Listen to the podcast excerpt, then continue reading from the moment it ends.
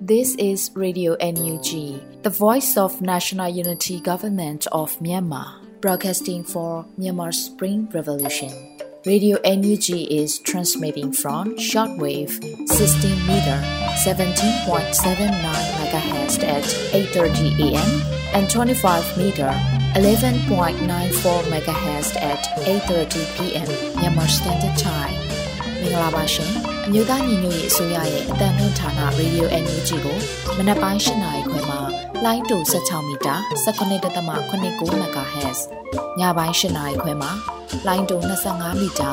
17.6 MHz တို့မှာဓာတ်ရိုက်ဖမ်းယူနိုင်စေနိုင်ပါရှင်။မင်္ဂလာအပေါင်းနဲ့ပြည့်စုံကြပါစေ။အခုချိန်ကစပြီး Radio NUG အစီအစဉ်လေးကိုဓာတ်ရိုက်အတန်လွှင့်ပေးနေပါပြီရှင်။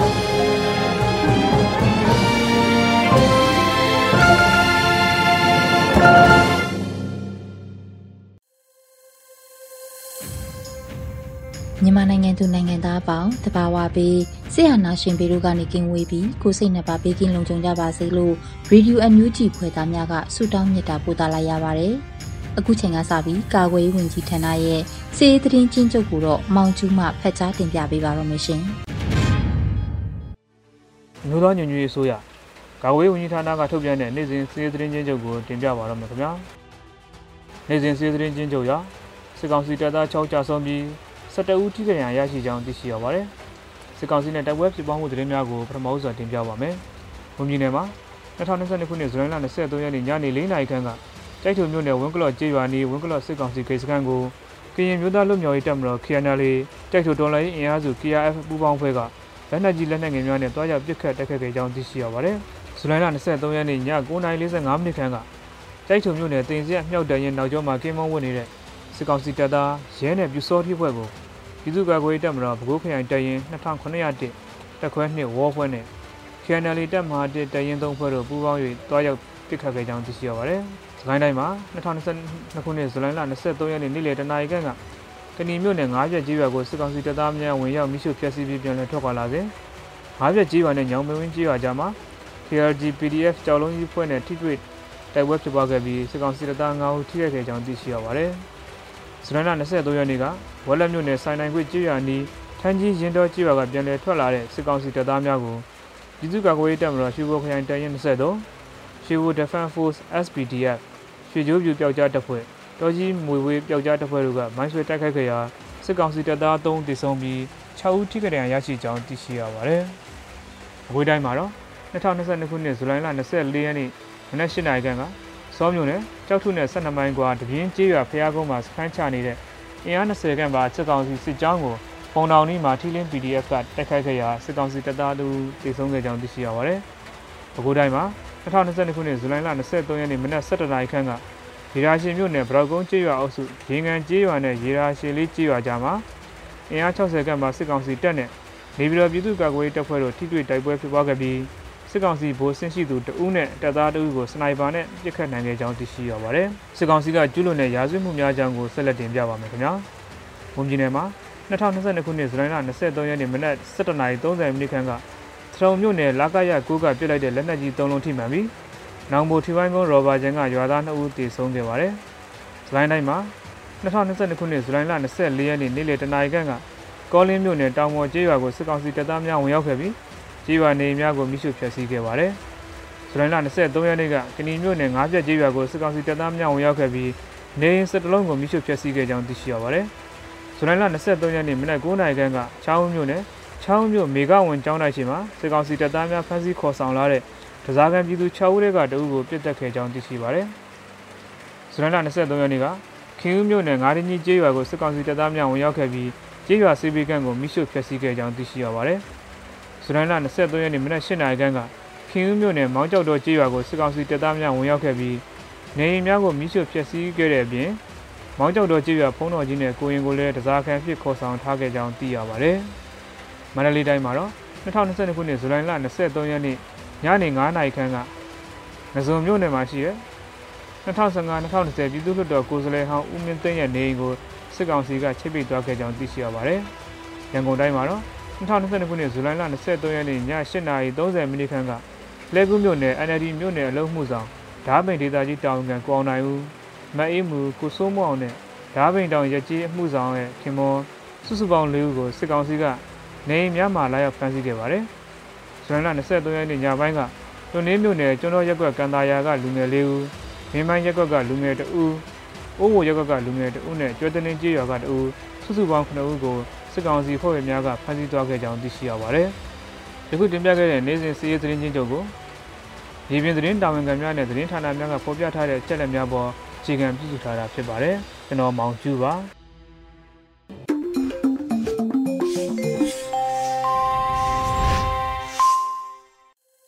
ရေဒီယိုအန်ယူဂျီမှာဆက်လက်တင်ပြနေပါတယ်။အခုဆက်လက်ပြီးနားဆင်ကြရမှာကတော့နောက်ဆုံးရသတင်းများကိုຫນွေဦးမှုမှဖတ်ကြားတင်ပြပေးမှာဖြစ်ပါတယ်ရှင်။ မင်္ဂလာပါရှင်ခုချိန်ကစပြီးတော့နောက်ဆုံးရပြည်တွင်းသတင်းတွေကိုတင်ဆက်ပေးသွားမှာပဲဖြစ်ပါတယ်ခုတင်ဆက်မဲ့သတင်းတွေကိုတော့ Radio NUG သတင်းတာဝန်ခံတွေနဲ့ခိုင်လုံတဲ့မိဘသတင်းရင်းမြစ်တွေကအခြေခံတင်ပြထားတာဖြစ်ပါတယ်ကျွန်မကတော့ຫນွေဦးမွန်ပါ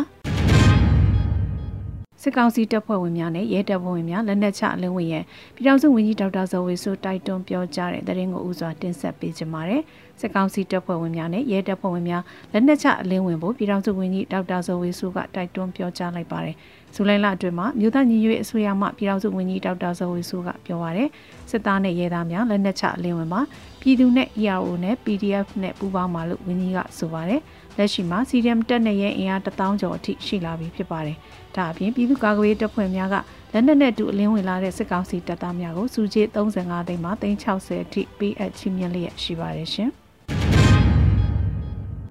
ကောင်းဖော်ယူစာတင်ကြောင်းကဆက်သွယ်ရရှိတဲ့ဆရာဆရာမတွေကိုလုံခြုံတဲ့နေရာရအောင်မြို့သားညီညွတ်ရေးအစိုးရကစတင်ဆောင်ရွက်နေတဲ့တဲ့ရင်ကိုဆက်လက်တင်ဆက်ပေးပါမယ်။ကောင်းဖော်ယူစာတင်ကြောင်းကဆက်သွယ်ရရှိတဲ့ဆရာဆရာမတွေကိုလုံခြုံတဲ့နေရာရအောင်မြို့သားညီညွတ်ရေးအစိုးရကစတင်ဆောင်ရွက်နေပြီလို့ပြည်ထောင်စုဝန်ကြီးဒေါက်တာဇော်ဝေဆိုကပြောပါတယ်။ဇူလိုင်23ရက်ပြည်သူ့မှပြည်သူ့တို့အစည်းအဝေးမှာပညာရေးဝန်ကြီးဒေါက်တာဇော်ဝေစုကပြောကြားခဲ့ပါတယ်။ရေးကြီးဆုံးကတော့ဆရာဆရာမတွေနဲ့ကျောင်းသားကျောင်းသူတွေရဲ့လုံခြုံရေးပါ။ တန်ကောင်းဖော်ယူဆိုတဲ့သတင်းစာပြီးထွက်လာကြတဲ့ကငွေတောင်းနေဆိုတဲ့သတင်းတွေထွက်ကြတဲ့ကဒေတာအချက်အလက်တွေဖြတ်ခိုင်းထားတယ်။ခုလဲဆရာဆရာမတွေနဲ့ကျောင်းသားကျောင်းသူတွေရဲ့လုံခြုံရေးကိုဦးစားပေးဆောင်ရွက်နေတယ်။ခုဆိုဆက်သွယ်ရမယ့်ရေးကြီးဖုန်းနံပါတ်ရှိတယ်။ဒါကိုဆက်သွယ်ပြီးဘေးကင်းတဲ့နေရာလုံခြုံတဲ့နေရာရအောင်စီစဉ်စတင်ပြီးတော့ဆောင်ရွက်ပေးနေပါတယ်လို့ဝင်းကြီးကဆိုပါတယ်။ဒါအပြင်ကောင်းဖော်ယူကြောင်းမှာတရင်အချက်လက်များပေါက်ကြားခြင်းအားမြို့သားညီညွတ်ရေးအစိုးရမှလည်းကော်မတီဖွဲ့ကစုံစမ်းစစ်ဆေးနေပါတယ်။ ဇူလိုင်16ရက်နေ့မှာစစ်ကောင်စီကတရင်ထုတ်ပြန်ခဲ့ရာကောင်းဖော်ယူကြောင်းကဆရာကောင်းတိုက်စုအပါအဝင်စီရီယမ်ဆရာ3ဦးကိုဖမ်းဆီးခဲ့တယ်လို့သိရပါတယ်ရှင်။ PDF ကလေးတရင်အတွက်ငွေကျပ်10သိန်းဒူဝင်ကြီးအင်တစားမောက်ထောက်ပံ့ကူညီတဲ့တရင်ကိုဆက်လက်တင်ဆက်ပေးပါမယ်။ PDF ကလေးတရင်အတွက်ငွေကျပ်10သိန်းတူဝင်ကြီးအသင်စာမောင်ထောက်ပံ့ကူညီခဲ့ပါတယ်။ဇူလိုင်24ရက်မှာ PDF ကလေးတပ်ဖွဲ့ကသတင်းထုတ်ပြန်တာပါ။ ဒူဝင်ကြီးမက်ဤတင်စာမောင်အားကျွန်တော်တို့ PDF ကလေးတရင်တက်မှာအထူးကျေးဇူးတင်ရှိပါတယ်ခင်ဗျာလို့ PDF ကလေးတရင်တက်ကရဲဘော်တို့ကဆိုပါတယ်။ဒူဝင်ကြီးဤတင်စာမောင်အနေနဲ့တော်လိုင်းအင်အားစုများအတွက်အကြခဏရမငွေရှာဖွေပေးခြင်းနဲ့ပူးပေါင်းဆောင်ရွက်ခြင်းတို့ကိုလည်းလှုံ့ဆော်ရရှိနေပါတယ်ရှင်။ မြို့သားညီညွတ်ရေးတာမင်ငံကောင်စီ website လွှင့်တင်တဲ့သတင်းကိုတင်ဆက်ပေးပါဦးမယ်။မြို့သားညီညွတ်ရေးတာမင်ငံကောင်စီရဲ့ website လွှင့်တင်လိုက်တယ်လို့သတင်းရရှိပါရယ်။ဇူလိုင်လ23ရက်နေ့မှာမြို့သားညီညွတ်ရေးတာမင်ငံကောင်စီကသတင်းထုတ်ပြန်ခဲ့ပါတယ်။မြို့သားညီညွတ်ရေးတာမင်ငံကောင်စီ NUCC ၏သတင်းပြန်ကြားရေးနဲ့လူလူဆက်သွယ်ရေးလုပ်ငန်းများပုံမှုအားကောင်းစီရန်အတွက်တရားဝင် website nucc-federal.org ကိုလွှင့်တင်လိုက်ပါတယ်လို့ဖော်ပြပါတယ်။ဇွန်လအတွင်းမှာလည်းမြို့သားညီညွတ်ရေးတာမင်ငံကောင်စီရဲ့လူမှုကွန်ရက်စာမျက်နှာလွှင့်တင်ခဲ့ပါသေးတယ်။ မြို့သားညီညွတ်ရေးအတမင်ကန်ကောင်စီ NUCC ရဲ့သတင်းပြန်ကြားရေးနဲ့လူလူဆက်သွယ်ရေးလုပ်ငန်းများပုံမအားကောင်းစီရန်အတွက်လူမှုကွန်ရက်စာမျက်နှာတစ်ခုဖြစ်တဲ့တရားဝင် Facebook စာမျက်နှာကိုလွှင့်တင်လိုက်တယ်လို့ဆိုထားပါတယ်ရှင်။လုပ်ငန်းခွင်ဝင်နေသော Grade 11ကျောင်းသားကျောင်းသူများအတွက်ညပိုင်းအထူးတန်းခွဲကိုဂျာကာလအခြေခံပညာရေးကျောင်းသင်ခန်းကျွန်း IBESD ကဖွင့်လှစ်တဲ့သတင်းကိုတင်ဆက်ပေးပါမယ်။ လုပ်ငန်းခွင်ဝင်နေတဲ့ Grade 11ကျောင်းသားကျောင်းသူတွေအတွက်ညပိုင်းအထူးတန်းခွဲကိုကြားကာလအခြေခံပညာရေးကျောင်းသင်ခန်းကျွန်း IBSD ကဖွင့်လှစ်ပါတယ်။ဇူလိုင်24ရက်နေ့မှာကျောင်းသားတွေများခေါ်ယူခဲ့ပါတယ်။လုပ်ငန်းခွင်ဝင်နေသော Grade 11ကျောင်းသားကျောင်းသူများအတွက်ညပိုင်းအထူးတန်းခွဲဖွင့်ပါမယ်လို့ဆိုထားပါတယ်။ထူးတန်းခွဲအတွက်ရှောက်ထားရန်ဖောင်များကိုကြားကာလအခြေခံပညာရေးကျောင်းသင်ခန်းကျွန်း IBSD လူမှုကွန်ရက်စာမျက်နှာမှာဖော်ပြထားပါတယ်ရှင်။ မန်လေးမော်ဒင်ရွှေဆိုင်ကိုစကူဘီဆိုင်ကယ်နဲ့လူနှစ်ဦးတနက်ပြစ်ဖောက်ပြီးတော့ဓမြတိုက်ခါရွှေရများယူဆောင်သွားတဲ့တရင်ကိုလည်းတင်ဆက်ပေးကြပါမယ်။မန်လေးမော်ဒင်ရွှေဆိုင်ကိုစကူဘီဆိုင်ကယ်နဲ့လူနှစ်ဦးကတနက်ဖောက်ပြီးတော့ဓမြတိုက်ပြီးရွှေရများယူဆောင်သွားတယ်လို့သိရပါတယ်။ဇူလိုင်24ရက် 25လက်နဲ့59လက်စာလုံးစီမြောက်ဖက်မှာရှိတဲ့မောဒစ်ရွှေဆိုင်ကိုလာရောက်ဓမြတိုက်သွားတယ်လို့စုံစမ်းသိရှိရပါတယ်။တနက်အတူများကိုင်းဆောင်ထားတဲ့လူနှစ်ယောက်ဟာရွှေဆိုင်ကောင်တာကိုရိုက်ခွဲပြီးရွှေဓမြယူဆောင်သွားပြီး6လက်ပစ်ခတ်ခဲ့တယ်လို့လည်းဆိုပါတယ်။ဆိုပါ6လက်ပစ်ခတ်မှုကြောင့်ဆိုင်ဝန်ထမ်းတအူ6ရောက်ထိခိုက်ဒဏ်ရာရရှိခဲ့တယ်လို့သိရပါတယ်ရှင်။ အင်းတော်မြို့နယ်နားရခေါင်ရွာရှိစကောင်းစီတက်များလာသမျှကားများကိုတစည်းလျင်တထောင်နှုန်းနဲ့ပတ်စံကောက်စားနေတဲ့တရင်ကိုလည်းတင်ဆက်ပေးပါမယ်။စကိုင်းတိုင်းအင်းတော်မြို့နယ်နားရခေါင်ရွာရှိစစ်ကောင်စီတပ်များကလာသမျှကားတွေကိုတစည်းလျင်တထောင်ကျပ်နှုန်းနဲ့ပတ်စံကောက်စားနေတယ်လို့သတင်းရရှိပါတယ်။ဇူလိုင်24ရက်မှာအင်းတော်တော်လန်ရေးအင်အားစုကအတီးပြုပြောဆိုပါတယ်။အင်းတော်မြို့နယ်နားရခေါင်ရွာရှိစစ်ကောင်စီတပ်များလာသမျှကားတွေစီကပတ်စံတွေလိုက်တောင်းနေပါတယ်။ မနက်ကလေးကတောင်းနေတာပါကားတစ်စီးကိုတထောင်တောင်းပါတယ်မပေးရင်ကားတော့ဖြုတ်သိမ်းသွားဆိုပြီးပြောပါတယ်လို့ဆိုပါတယ်လက်တလုံးမှခီးသွားပြည်သူများခယူပြရဲ့အင်တော်ဒေါ်လေးအင်အားစုများကနှိုးဆော်ထားပါတယ်ရှင်ပခောက်ကူမြိုင်လဲနေမြေလုံခြုံရေးတဲ့ River Colon စစ်ကြောင်းအဖွဲ့မှလမ်းပိုင်းစစ်ဆေးမှုပြုလုပ်တဲ့တရင်ကိုလည်းတင်ဆက်ပေးကြပါရယ်ပခောက်ကူမြိုင်လဲနေမြေလုံခြုံရေးတဲ့ River Colon စစ်ကြောင်းအဖွဲ့မှလမ်းပိုင်းစစ်ဆေးမှုများပြုလုပ်ခဲ့ပါတယ်။ဇူလိုင်24ရက်နေ့နက်ပိုင်းပခုတ်ကူမြိုင်လမ်းပိုင်းကိုစစ်ဆေးခဲ့တယ်လို့ Aqua People's Defense Force ကဖော်ပြပါရယ်ယနေ့24ရက်9လ2022ခုနှစ်နနက်ပိုင်းအချိန်တွင်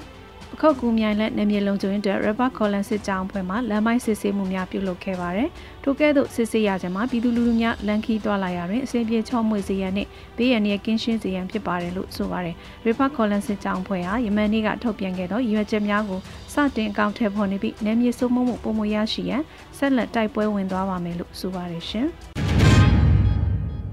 ညောင်လေးပင်ခရိုင်ကြောက်ကြီးမြို့နယ်တွင်အရက်သား16000ကျော်စစ်ပေးရှောင်နေရတဲ့တရင်ကိုလည်းဆက်လက်တင်ဆက်ပေးပါမယ်။ညောင်လေးပင်ခရိုင်ကြောက်ကြီးမြို့နယ်တွင်အရက်သား16000ကျော်စစ်ပေးရှောင်နေရတယ်လို့တရင်ရရှိပါတယ်။ဇူလိုင်24ရက်မှာ KNU ကရဲ့မြို့သားအစည်းအရုံးဗဟိုကတရင်ထုတ်ပြန်ပါတယ်။ကြောင်ကြီးမြို့နယ်တွင်အာနာသိန်းကျန်းဖတ်စစ်ကောင်စီတပ်မှ2022ခုနှစ်မေလမှစ၍အခုချိန်ထိကျေးရွာအတွင်းသို့ဒရုန်းနှင့်လေယာဉ်နှင့်လက်နက်ကြီး9လုံး လက်နက်ကြီးဖြင့်123လုံးကျေးရွာအတွင်းသို့ပစ်ချခဲ့ပါတယ်။အာနာသိန်းချမ်းဖတ်စစ်ကောင်စီတပ်မှဖမ်းဆီးတပ်ဖြတ်တဲ့ကျေးရွာပြည်သူလူထုများနဲ့လက်နက်ကြီးထိမှန်သေးဆုံးခဲ့ရတယ်။ကျေးရွာပြည်သူလူထုစုစုပေါင်း9ဦးရှိပြီးလက်နက်ကြီးထိမှန်တဲ့ရရှိခဲ့တဲ့ကျေးရွာပြည်သူလူထုစုစုပေါင်း12ဦးရှိခဲ့ပါတယ်။အာနာသိန်းချမ်းဖတ်စစ်ကောင်စီတပ်မှဖမ်းဆီးခဲ့တဲ့ကျေးရွာပြည်သူလူထုစုစုပေါင်း34ဦးတို့ရှိပြီးစစ်ပေးရှောင်ပြည်သူစုစုပေါင်း16036ဦးရှိနေပြီလို့ KNU ဗဟိုကဆိုပါတယ်ရှင်။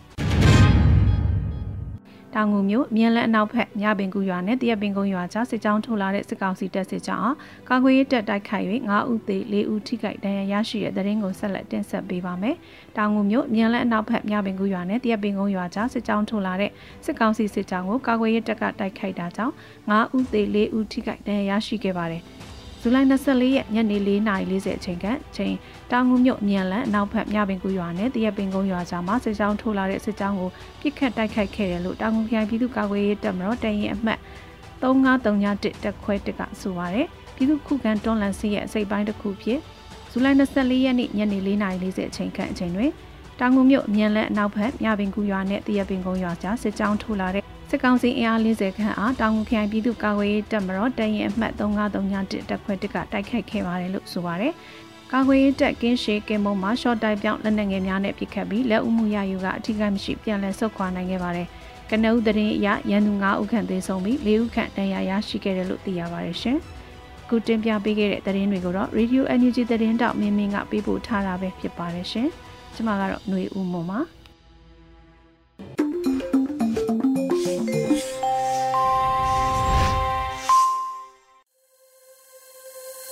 န်ပါ။ Radio NUG ရဲ့မနက်ခင်းစီစဉ်တွေကိုဆက်လက်တင်ပြနေပါတယ်။ဒီနေ့ရဲ့တော်လှန်ရေးတေဂီတာစီစဉ်မှာတော့အောင်ပွဲလို့အမည်ရတဲ့တေဂီတာကိုတေးရေးချအားပြီးရေးသားပြီးတေးဆူကောင်လေးမှတီးဆူထားတာကိုနားဆင်ကြရမှာဖြစ်ပါရဲ့ရှင်။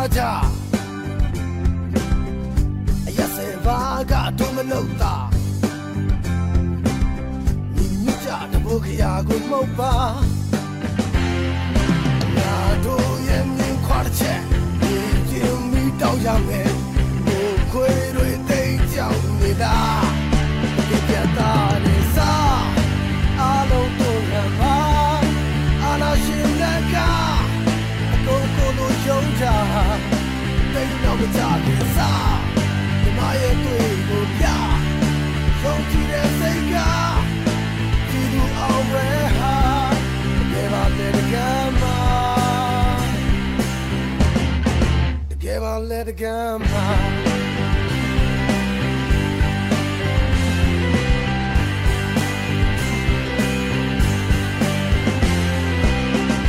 ဒီအားလုံးလ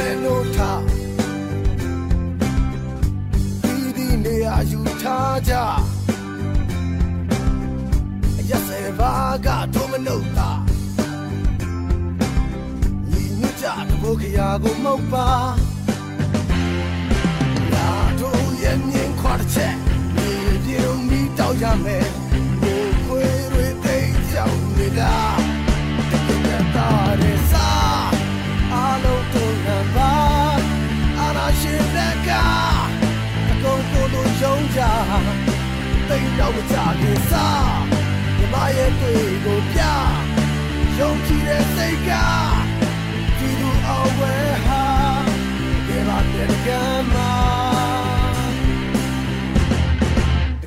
တကယ်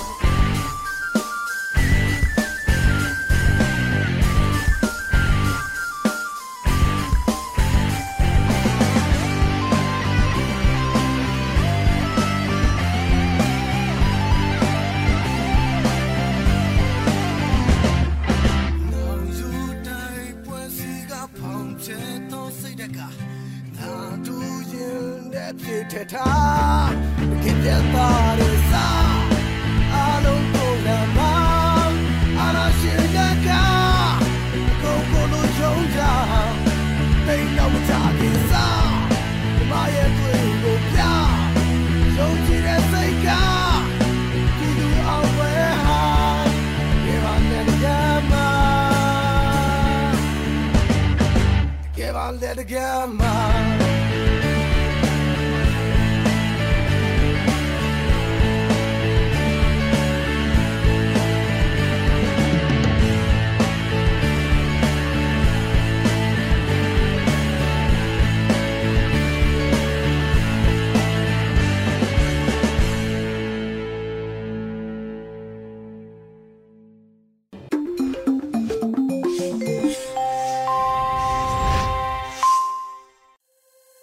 ရေဒီယိုအန်ယူဂျီပရိသတ်တွေအတွက်အခုဆက်လက်ပြီးနားဆင်ကြရမှာကတော့မုမခဆောင်းပါဖြစ်တဲ့မြို့ပေါ်ကဒုက္ခနဲ့ကျေးလက်ကဒုက္ခပြည်တွင်းစစ်မီးနဲ့စီးပွားရေးအကျက်တဲလို့အမည်ရတဲ့မုမခဆောင်းပါကိုຫນွေဦးလေပြေမှဖတ်ကြားတင်ပြပေးပါမယ်ရှင်။မြန်မာနွေဦးခရိုနီကယ်ဇူလိုင်23မြင်ကွင်းမူမခမြို့ပေါ်ကဒုက္ခနဲ့ကျေးလက်ကဒုက္ခပြည်ရင်းစစ်မီးနဲ့စီးပွားရေးအကျက်တဲအမိရတဲ့မူမခဆောင်းပါဖြစ်ပါတယ်။ အခုရပိုင်းရေနံတန်းငွေရည်ပြက်လက်တဲ့ကြရက်ဈေးနှုန်းတွေနှစ်ဆလောက်ရုတ်တရက်မြင့်တက်ပြီးအိမ်သုံးတန်းငွေရည်ဝယ်မရတဲ့ကြရက်အဲ့ဒီအဖြစ်ပြက်ဖြစ်ပြီးရက်အနေငယ်ကြာမှာပဲ CNG တဘာဝတန်းငွေဆိုင်တွေမဖြစ်ပေးနိုင်ရက CNG သုံးဘတ်ကားတွေတက်စီကားတွေဆိုင်တွေမှာအတန်းရှည်ကြီးစီနေကြရပြီးလမ်းပေါ်မှာပြေးဆွဲတဲ့အရေးအတွက်ရောကျသွားရကရုံသွားရုံပြန်ခီးသွားသူတွေအခက်ခဲကြုံကြရတာတွေဖြစ်ပျက်နေတာဖြစ်ပါတယ်။အခုတဘာဝတန်းငွေရည်နဲ့ CNG ပြက်လက်မှုအခက်ခဲမဖြစ်ခင်က ဓာတ်စီဒီဇယ်စီဆိုင်တိုင်းဝယ်မရတာဈေးနှုန်းတွေတောက်လျှောက်တက်တာတွေလည်းမကြသေးတဲ့သတင်းပတ်တွေကကြုံခဲ့ကြရပါသေးတယ်။ပြည်ရင်းကိုတရဝင်ဝင်လာတဲ့နိုင်ငံခြားငွေကို24နာရီအတွင်းမြန်မာကျပ်နဲ့လဲလှယ်ဖို့လိုင်စင်ရဘဏ်တွေကိုညွှန်ကြားတာပြီးနောက်သွင်းကုန်တင်သွင်းမဲ့ကုမ္ပဏီတွေကနိုင်ငံခြားငွေဝယ်ခွင့်ရဖို့ကန့်သက်ချက်တွေစီးမြင်စည်းကမ်းတွေနဲ့ထိန်းချုပ်တာတွေရဲ့ကြရက်ကတဘာဝတန်းငွေရည်စေဝါပစ္စည်းတွေလောင်စာကြီးစတဲ့ကုန်စည်နှုန်းတွေကိုကြရက်ရိုက်ခတ်ပြီး ပစ္စည်းပြတ်တာဈေးနှုန်းကြီးမြင့်တာတွေဖြစ်လာခဲ့တာလို့အလွယ်ဆုံးပြောရမယ်ထင်ပါတယ်။စီးပွားရေးနဲ့ပတ်သက်လို့နိုင်ငံတကာစီးပွားရေးစောင့်ကြည့်ရေးအဖွဲ့တွေရဲ့အစီရင်ခံစာမှာမြမစီးပွားရေးကအနှုတ်18ရာခိုင်နှုန်းလောက်ကျုံသွားနိုင်ခြေရှိတယ်လို့လည်းဖော်ပြထားပြီးလက်ရှိဖြစ်ပျက်နေတဲ့အခြေအနေတွေကိုကြည့်ရင်လည်းအထက်ကမှန်းဆချက်တွေနဲ့လာရတခုတည်းဖြစ်နေတဲ့သဘောတွေ့ရပါတယ်။စီးပွားရေးအကျက်တဲကပြည်ရင်းနိုင်ငံရေးအကျက်တဲကြောင့်ဖြစ်တယ်လို့ကမ္ဘာမှာဖြစ်ပေါ်နေတဲ့ကုန်စည်နှုန်းတွေကြီးမြင့်လာခြင်းရဲ့ကြရက် ရင်းနှံစည်းမြင့်တက်လာတာကိုဗစ်ကပ်ဘေးကြရက်နဲ့ယူကရိန်းရုရှားစစ်ပွဲအကျိုးဆက်တွေကမြန်မာနိုင်ငံရဲ့ကြုံနေရတဲ့အကျက်တဲတွေကိုပိုပြီးမီးလောင်ရာလေပင့်ဖြစ်စေပါတယ်။မြန်မာနိုင်ငံလိုပြည်တွင်းမှာနိုင်ငံရေးအကျက်တဲမကြုံရတဲ့နိုင်ငံတချို့မှာတော့အထက်ကနိုင်ငံတကာငွေကြေးဖောင်းပွားမှုနဲ့လောင်စာစားနပ်ရိက္ခာဈေးနှုန်းကြီးမြင့်မှုကြရက်တွေကိုအနည်းနဲ့များခံနေကြရတာမို့မြန်မာနိုင်ငံလိုအကြောင်းပေါင်းစုံနေတဲ့နိုင်ငံအဖို့အ ခုလိုအခြေအနေတွေရင်ဆိုင်နေရတာအံ့ဩစရာတော့မဟုတ်ပါဘူးမြို့ကြီးတွေမှာနေသူတွေအဖို့တော့ဘုံကွဲတာပြစ်ခတ်တာဖမ်းဆီးခံရတာတွေကြုံနိုင်ကြီးရှိနေပေမဲ့နေ့စဉ်စားဝတ်နေရေးအတွက်သွာလာလောက်ကင်နေနိုင်ကြသေးတာဖြစ်ပါတယ်။ဓမြမှုလိုရွှေငွေနဲ့အဖိုးတန်ပစ္စည်းတွေရယူဖို့တတ်တာဖြစ်တာလို့ရာဇဝတ်မှုတွေပုံမြင့်တက်လာတာလဲသတင်းတွေမှာနေ့စဉ်ဖော်ပြနေတာကိုကြည့်ရင်သိနိုင်ပါတယ်။ရန်ကုန်မှာမန္တလေးမှာမုံရွာမှာမြစ်ကြီးနားမှာအဆရှိတဲ့မြို့တွေမှာနေ့စဉ်လိုလိုတနေရာမဟုတ်တနေရာ ဓမြမှုဖြစ်ပွားနေတာတွေ့ရမှာဖြစ်ပါတယ်။လက်နက်ငယ်တွေနယ်တွေမြို့တွေစီပြန့်နှံ့ရောက်ရှိလာတာတရားဥပဒေစိုးမိုးမှုတည်တည်တသာကြာဆင်းသွားတာကအဓိကအကြောင်းဖြစ်ပြီးစီးပွားရေးကြက်တဲမှုကလည်းပံ့ပိုးပေးတဲ့အကြောင်းအချက်ဖြစ်ပါလိမ့်မယ်။မြို့ပေါ်မှာနေထိုင်နေသူတွေဓမြတိုက်ခံရနိုင်ခြင်းလူရဲတက်ပြက်ခံရနိုင်ခြင်းရှိနေချိန်မှာပဲလက်နက်ကင်တိုက်ပွဲတွေဖြစ်ပွားနေတဲ့ဒေသတွေကကျေးလက်နေလူလူဖို့တော့မြို့ပေါ်ကထက်ဆယ်စားလောက်ဆိုးရတဲ့အခြေအနေမျိုးကြုံနေကြရတာတွေ့ရမှာပါ။လက်နက်ကင်အဖွဲ့ဝင်တွေလို တန်တရားကြောင့်ဖြစ်စေအားပေးတယ်ဆိုတဲ့ဆွဆွဲချက်နဲ့ဖြစ်စေဖန်စီတပ်ဖြတ်ခံရနိုင်တယ်လို့အနည်းနဲ့အလလကရှာဖွေစုဆောင်းပြီးစောက်လုပ်ထားတဲ့နေအိမ်မိရှုခံရတာပိုင်ဆိုင်မှုအလုံးနေအိမ်နဲ့အတူမီးလောင်ပျက်စီးသွားတာတွေမိသားစုဝင်တွေဆုံးရှုံးသွားရတာတွေကမြန်မာနိုင်ငံရဲ့ဒေသအများပြားကကျေးလက်နေလူလူကြုံနေရတဲ့အခြေအနေဖြစ်ပါတယ်။စိုက်ပျိုးရေးလုပ်ငန်းလုပ်ကင်အသက်မွေးကြတဲ့ကျေးလက်နေလူလူအဖို့နေမြေမအေးချမ်းလို့စိုက်ပျိုးရေးလည်းမလုပ်နိုင်စုဆောင်းထားတဲ့ဆန် ပဲရိတ်ခါတွေလည်းမီးလောင်တဲ့အထဲပါသွားတာဒါမှမဟုတ်ကြေးရွာကိုစွန့်ခွာတင်းရှောင်စဉ်ဖျက်ဆီးခံရတာတွေတင်းစည်းယူဆောင်သွားခံရတာတွေကြောင့်ဘဝကိုတုံညကပြန်ဆကြရမယ်အခြေအနေမျိုးလို့ဆိုရမယ်ထင်ပါတယ်။အဲဒီလိုအခြေအနေကြုံနေကြရသူတွေကတူးတယောက်တည်းမဟုတ်ဘဲကြေးရွာတရွာလုံးနှီးပါမြို့နယ်ဒေသတစ်ခုလုံးနှီးပါဖြစ်ပွားနေတာမို့တူးကိုတူးကူညီဖေးမဖို့လည်းခက်ခဲတဲ့အခြေအနေမျိုးဖြစ်ပြီးအခြားသောဒေသတွေကလာရောက်ကူညီဖို့ လမ်းပန်းဆက်သွယ်ရေးလမ်းကြောင်းတွေမှာစစ်ရေးအရတင်းမာနေတဲ့အနေအထားအကူအညီပေးခွင့်သွာလာခွင့်ကိုကန့်သက်ထားကြတဲ့အနေအထားတွေကြောင့်လဲအခုလိုစီရေးပြိပခတွေကြားတဲ့နေထိုင်တက်ရှင်နေကြရတဲ့သူတွေကိုကိုယ့်လူမှုအတိုင်ဝင်းကခန်းစားရသူအချင်းချင်းကလွှဲရင်ဘယ်အဖွဲ့အစည်းကမှကူညီပေးနိုင်တဲ့အနေအထားမဟုတ်ပါဘူးဒီဖြစ်စဉ်လိုပဲမြန်မာနိုင်ငံရဲ့နိုင်ငံရေးအကြက်တဲ လူသားချင်းစာနာမှုအကူအညီလိုအပ်မှုအကြက်တဲကိုလည်းကဘာကလုံလောက်တဲ့အာယုံစိုက်မှုနဲ့အကူအညီရဖို့မလွယ်ကူတာတွေ့နေရပါတယ်မြန်မာနိုင်ငံအတွက်လူသားချင်းစာနာမှုအကူအညီတွေဘဲ၍ဘဲမျှလိုအပ်တယ်ဆိုပြီးကုလသမဂ္ဂလိုအဖွဲ့အစည်းကထုတ်ပြန်တောင်းခံနေပေမဲ့လည်းတက်ကြွတဲ့တုံ့ပြန်မှုလုံလောက်တဲ့တုံ့ပြန်မှုမျိုးမမြင်တွေ့ရသလိုကမ္ဘာမှာအခြားသောအလေးပေးအာရုံစိုက်တဲ့ပြဿနာတွေကြုံနေကြရတဲ့အချိန်ကာလမှုလို့ မြမအကြက်တဲဟာနောက်ကိုရောက်ရှိနေတဲ့သဘောလေးတွေ့နေရတာဖြစ်ပါတယ်။မြမအရေးကိုမြမပြည်တွင်းကရှိတဲ့အင်အားအချင်းချင်းကူညီရိုင်းပင်းမှုမျှတစွာခွဲဝေနိုင်တဲ့စနစ်နိုင်ငံရေးဥဆောင်မှုချင်းချင်းကူညီမျှဝေနိုင်တဲ့စနစ်တွေကျင့်သုံးမှုတွေကိုလှုံ့ဆော်ကျင့်သုံးနိုင်ကြဖို့အရေးကြီးတယ်လို့မြင်ပါတယ်။နိုင်ငံရေးကြရက်ရိုက်ခတ်မှုတွေပေါ်လာတိုင်းဈေးကွက်ပေါ်ကြရက်ရိုက်ခတ်ပြီးကုန်စည်နှုန်းတွေရုတ်တရက်မြင့်တက်လာတာမျိုးမှာဝိုင်းဝန်းထိမ့်သိမ့်ပြီးအချင်းချင်းကူညီရိုင်းပင်းကြဖို့ရမှာ နိုင်ငံရေးဥဆောင်မှုကလည်းအရေးကြီးတယ်လို့ထင်မြင်မိပါတယ်။ဈေးကွက်ကဈေးကွက်သဘောတရားတိုင်းတုံ့ပြန်နေဆိုတဲ့ theory ကိုမငင်းပယ်လို့ပေမဲ့ဈေးကွက်ရဲ့တုံ့ပြန်ခြင်းမှာလူထုကလိုအပ်တာထက်ပိုမတုံ့ပြန်မိကြဖို့ဈေးကွက်ရဲ့ကြရက်ပေါ်မှာအမျက်မထုတ်ပဲအချင်းချင်းကူညီမျှဝေခံစားတဲ့စိတ်မျိုးရှိဖို့လဲလိုအပ်တယ်လို့ထင်မြင်မိကြပါအခုတင်ပြပေးသွားတာကတော့မြန်မာຫນွေဦးခရိုနီကယ်ဇူလိုင်23မြင်ကွင်းဖြစ်ပါတယ်ကျမຫນွေဦးလေးတွေပါ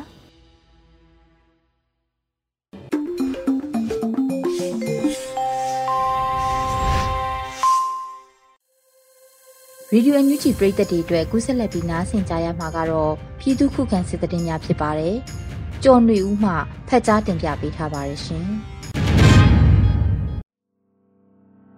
ထမဦးစွာခင်ဦးမြို့နယ်မြင်းတောင်ကြီးရွာစာတင်ကျောင်းရှေ့မှာမိုင်းလာရှင်းတဲ့စစ်ကောင်စီတပ်ဖွဲ့မိုင်းခွဲခံရပြီး6ဦးသေဆုံးတဲ့တဲ့တင်တင်ဆက်ပါမယ်။စကိုင်းတိုင်းခင်ဦးမြို့နယ်မြင်းတောင်ကြီးရွာစာတင်ကျောင်းရှေ့မှာမိုင်းခွဲခံရ၍အများအပြားသေဆုံးခဲ့ခြင်းကြောင့် မိုင်းလာရှင်းသောစစ်ကောင်စီတပ်ဖွဲ့ဟာထပ်မံမိုင်းခွဲခံရပြီးစစ်သား6ဦးထပ်မံသေဆုံးကြောင်း Brothers of Lands Defense Force BLDF ကသတင်းထုတ်ပြန်ပါတယ်။ဇူလိုင်လ23ရက်နေ့မှာမြင်းတောင်ကြီးရွာစာတင်ကျောင်းရှေ့မှာ BLDF BOB Hero Army ခင်ဦးအဖွဲ့များထောင်ထားတဲ့မိုင်းများကိုနင်းမိက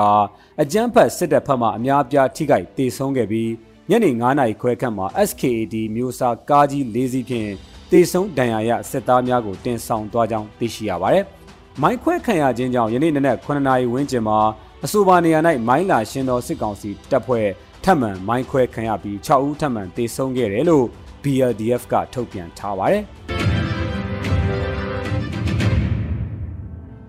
ဆက်လက်ပြီးတရက်ချောင်းမြို့နယ်မှာနှစ်လနီးပါးအတွင်းအကြမ်းဖက်စစ်ကောင်စီတပ်ဖွဲ့နဲ့ကာကွယ်တပ်ဖွဲ့များကြားတိုက်ပွဲများတွင်စစ်ကောင်စီဘက်မှ90ကျော်တေဆုံး PDF 9ဦးကြာဆုံးတဲ့တဲ့တင်ဆက်ပါမယ်။တနင်္သာရီတိုင်းတရက်ချောင်းမြို့နယ်နဲ့ဒဝယ်မြို့နယ်များမှာအကြမ်းဖက်စစ်တပ် BGF ပူးပေါင်းတပ်ဖွဲ့နဲ့ဒေသကာကွယ်တပ်ဖွဲ့များကြားဇွန်နဲ့ဇွန်လလနှစ်လနီးပါးအတွင်းတိုက်ပွဲများဖြစ်ပွားခဲ့ပြီးစစ်ကောင်စီဘက်မှ52ဦးထက်မနည်းတေဆုံးကအများအပြားဒဏ်ရာရပြီး PDF 9ဦးနဲ့ပြည်သူတအူးကြဆုံးခဲ့ကြောင်းဒေါင်းမင်းစစ်စင်ရေး TYC PDF ကသတင်းထုတ်ပြန်ပါတယ်။တိုက်ပွဲများတွင်စစ်ကောင်စီရဲ့လက်နက်ကြီးကြီးအချို့အပါအဝင် ခဲယမ်းများနဲ့ BGF များရဲ့အသုံးဆောင်ပစ္စည်းများကိုတင်စီရမိကြောင်းကစဲတို့ကြားတပ်ဖွဲ့ထံမှသိရှိရပါတယ်။မော်လိုက်နဲ့ဖောင်းပြင်တွင်တိုက်ပွဲဖြစ်ပြီးစစ်သား14ဦးသေဆုံးက PDF 10ဦးကြာဆုံးတဲ့တဲ့တင်တင်ဆက်ပါမယ်။စကိုင်းတိုင်းမော်လိုက်နဲ့ဖောက်ပြင်မြို့နယ်များမှာအကြမ်းဖက်စစ်တပ်နဲ့ PDF ပကဖများကြား ဇွန်လလ18ရက်မှ22ရက်နေ့အထိတိုက်ပွဲများပြင်းထန်ခဲ့ပြီးနှစ်ဖက်အကြအဆုံးများပြားခဲ့ကြောင်းဖောက်ပြင် PDF ကသတင်းထုတ်ပြန်ပါတယ်။ဇွန်လလ18ရက်နေ့မှာအကြမ်းဖက်စစ်တပ်ဟာအင်အား40ပါစစ်ကြောင်းဖြင့်မော်လိုက်မြို့နယ်ခါတွန်ကြီးရွာကိုဝင်ရောက်စီးနင်းခဲ့တာကြောင့်ဖောင်းပြင်မြို့နယ်တောင်ပိုင်းမှာ PDF များပကဖများကတွားရောက်တိုက်ခိုက်ရာစစ်ကောင်စီဘက်မှအ ਨੇ ဆုံး6ဦးသေဆုံးခဲ့ကြောင်းသိရှိရပါတယ်။ အဲ့ဒီနောက်စစ်တပ်ကစစ်ကူများဖြစ်တင်းကထပ်မံထိုးစစ်ဆင်တိုက်ခိုက်လာတာကြောင့် PDF များပကဖများပြန်လည်ဆုတ်ခွာခဲ့ကြောင်းဇူလိုင်လ18ရက်နေ့မှာဖောင်းပြင်မြို့နယ်မိုင်းချောင်းကြီးရွာသို့စစ်တပ်မဝင်ရောက်နိုင်ရန်ပိတ်ဆို့ထားခဲ့ကြောင်းဖောင်းပြင် PDF ကထုတ်ပြန်ပါတယ်ဇူလိုင်လ22ရက်နေ့မှာအကြမ်းဖက်စစ်ကောင်စီတပ်ကမိုင်းချောင်းကြီးရွာနီးတောင်ကုန်းပေါ်တွင်အပေါ်စီးမှနေရာယူထားခဲ့ကြောင်း အဲ့ဒီနောက်မိုင်းချောင်းကြီးရွာအတွင်းသို့ဝင်ရောက်လာသောအင်အား20ခန့်ပါစစ်ကောင်စီစစ်ကြောင်းနဲ့ PDF များပကဖများနဲ့တိုက်ပွဲစတင်ဖြစ်ပွားကြောင်းပြန်လည်ဆုတ်ခွာသွားတဲ့စစ်တပ်ကို PDF များကလိုက်လံတိုက်ခိုက်ရာတောင်ကုန်းပေါ်တွင်တက်ဆွဲထားတဲ့စစ်ကောင်စီတပ်ရဲ့ပစ်ခတ်မှုကြောင့်ပကဖ9ဦးနဲ့ PDF 2ဦးကြာဆုံးခဲ့ကြောင်းသိရှိရပါတယ်။ နောက်ဆုံးအနေနဲ့အမျိုးသားညီညွတ်ရေးအစိုးရပြည်ထရေးနဲ့လူဝင်မှုကြီးကြပ်ရေးဝန်ကြီးဌာနက2022ခုနှစ်ဇူလိုင်လ24ရက်ရက်စွဲနဲ့ထုတ်ပြန်ခဲ့တဲ့ပြည်သူခုခံတော်လှန်စစ်သတင်းအချက်အလက်တွေကိုတင်ဆက်ပေးသွားမှာပါ။အာနာသိန်းအကြမ်းဖက်စေအုပ်စုရဲ့ပြည်သူလူထုအပေါ်အကြမ်းဖက်ဖိနှိပ်ဖန်ဆီးတိုက်ခိုက်တပ်ဖြတ်နေမှုများကိုပြည်သူလူထုတရက်လုံးကအသက်ရှင်သန်ရေးအတွက်မိမိကိုယ်ကိုမိမိခုခံကာကွယ်ပိုင်ခွင့်အရာပြည်သူခုခံစစ် People's Defensive War ကိုဆင်နွှဲလျက်ရှိပါတယ်။ သတင်းအချက်အလက်များအရ2022ခုနှစ်ဇွန်လ23ရက်စနေနေ့မှာစစ်ကောင်စီတပ်ဖွဲ့ဝင်23ဦးသေဆုံးပြီးထိခိုက်ဒဏ်ရာရရှိသူ10ဦးအထိခုခံတိုက်ခိုက်နိုင်ခဲ့ပါတယ်။စစ်အာဏာရှင်စနစ်မြမမြေပေါ်မှာအပြည့်တိုင်ချုပ်ငင်းရင်းနဲ့ Federal Democracy တည်ဆောက်ရေးအတွက်ငြိမ်းချမ်းစွာဆန္ဒပြတဲ့လူထုတပိတ်တိုက်ပွဲများကပြည်내နဲ့တိုင်းဒေသကြီးများမှာဆက်လက်ဖြစ်ပွားပေါ်ပေါက်လျက်ရှိပါတယ်။မြေပြင်မှာတော့ယခုတွေ့ရတဲ့သတင်းအချက်အလက်များထက်ပို၍ဖြစ်ပွားနိုင်ပါတယ်ခင်ဗျာ။ ဒီကနေ့ကတော့ဒီညနဲ့ပဲ Radio NUG ရဲ့အစီအစဉ်လေးကိုခਿੱတရနာလိုက်ပါမယ်ရှင်။မြမစံတော်ချိန်မနက်၈နာရီခွဲနဲ့ည၈နာရီခွဲအချိန်တွေမှာပြန်လည်ဆုံတွေ့ကြပါစို့။ Radio NUG ကိုမနက်ပိုင်း၈နာရီခွဲမှာလိုင်းတူ16မီတာ19.8 MHz ညပိုင်း၈နာရီခွဲမှာလိုင်းတူ25မီတာ17.6 MHz တို့မှာဓာတ်ရိုက်ဖမ်းလို့နိုင်စေနိုင်ပါပြီ။ မြန်မာနိုင်ငံသူနိုင်ငံသားတွေကိုစိတ်နှပြ